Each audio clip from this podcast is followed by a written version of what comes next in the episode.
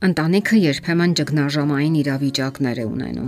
Ամուսինները երբեմն ամուսնալուծվում են, երբեմն լուրջ տարաձայնություններ են ունենում, երբեմն էլ կողմերից մեկը մահանում է։ Երբ ամուսինը մահանում է, կանայք հայտնվում են իսկապես ճգնաժամային իրավիճակում։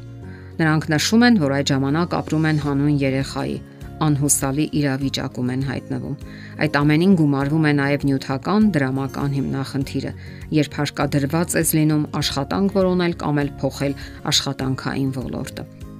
Կանայք նշում են, որ հասկանալի պատճառներով թուլանում է հետաքրքրությունը կյանքի հանդեպ։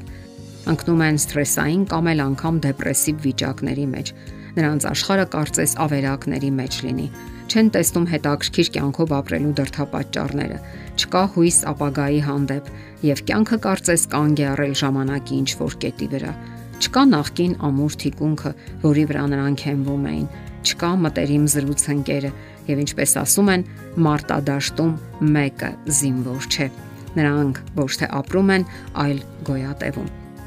Եվ այնուամենայնիվ ապրել պետք է։ Կյանքը շարունակվում է։ Հնարավոր է դուրս գալ այդ իրավիճակից Հարկավոր է գտնել այն ուղենիշները, որոնք թույլ կտան շարունակել կյանքը եւ որոնք նոր իմաստ կհաղորդեն կյանքին։ Հասկանալի է, որ սիրելի մարդու կորստի ժամանակ մեր հոգեբանությունն անցնում է ճգնաժամային որոշ փուլերի միջով՝ ժխտում, ագրեսիա, հուսահատություն, հիասթափություն եւ մի պահից սկսած ընդունում ենք իրականությունը։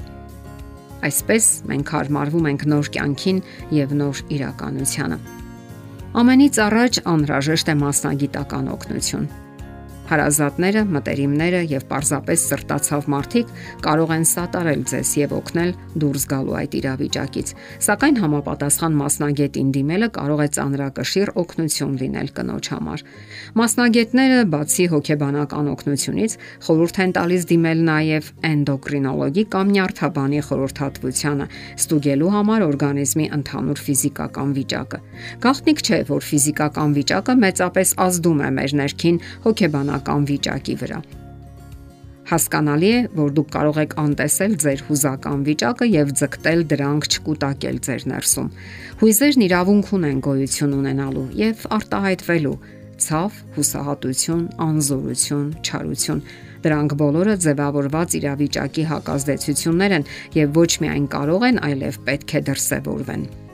Եվ այնուամենայնիվ հարկավոր է ոչ միայն հարմարվել նոր իրավիճակին, այլև նոր կյանք ստեղծել։ Նման դեպքերում ոմանք գերադասում են բարփակվել իրենց վշտի մեջ եւ նոր կյանք չստեղծել։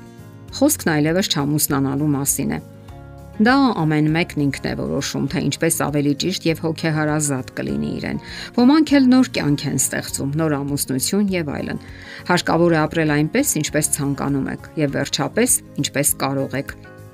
Օգնում է նաև օրագիր պահելը։ Այնտեղ դուք կարող եք դրսևորել եւ դուրս թափել ձեր բոլոր հույզերն ու ապրումները, ցանկություններն ու երազանքները։ Կարող եք զրուցել ձեր կյանքից հեռացած անznավորության հետ, հիշել միասին անցկացրած հիանալի օրերն ու ակնթարթները, եւ վերջապես, ինչ ապագա հույսեր ու երազանքներ ունեք դուք, ինչպես եք պատկերացնում ձեր հետագա կյանքը։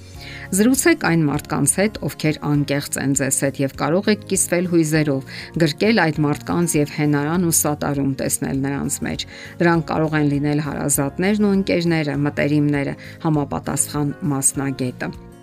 Հասկանալի է, որ ցավն ու դժվարությունները կուղեկցեն ձեզ ողջ կյանքում։ Երբեմն կարող է թվալ, որ այլևս չեք դիմանում եւ անդունդի մեջ եք, սակայն դա հենց այն վիճակն է, որից այն կողմ սկսվում է նոր կյանքը։ Դուք պետք է ձգտեք նոր կյանքի, նոր ապրումների եւ նոր հուզումների տեղ տալով ծանր ապրումներին ու հույզերին, դուք դուռ եք բացում նաև նոր հույզերի, նոր հնարավորությունների համար։ Դուք կնկատեք, թե ինչպես նոր ցանկություններ են առաջանում ձեզ մոտ, կյանքը նորովի ապրելու փափակ։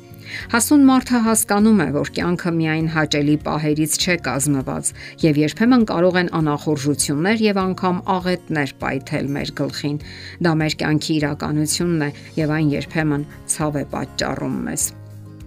Դուք պետք է ցանկություն ունենաք ապրելու եւ արարելու ձեր կյանքը։ Կյանքը շարունակվում է,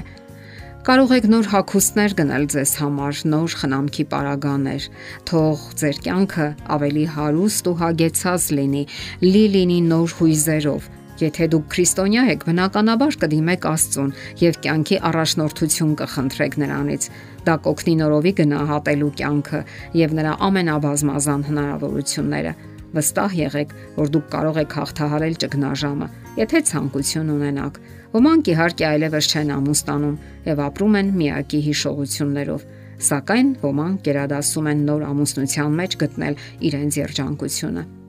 Դա իհարկե կախված է ձեր տարիքից եւ ձեր ֆիզիկական ու հոգեբանական հնարավորություններից,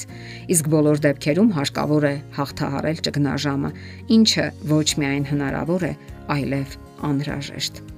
Եթերում ընտանիք հաղորդաշարներ։ Ձեզ հետ է Գեղեցիկ Մարտիրոսյանը։ Հարցերի եւ առաջարկությունների համար զանգահարել 033 87 87 87 հեռախոսահամարով։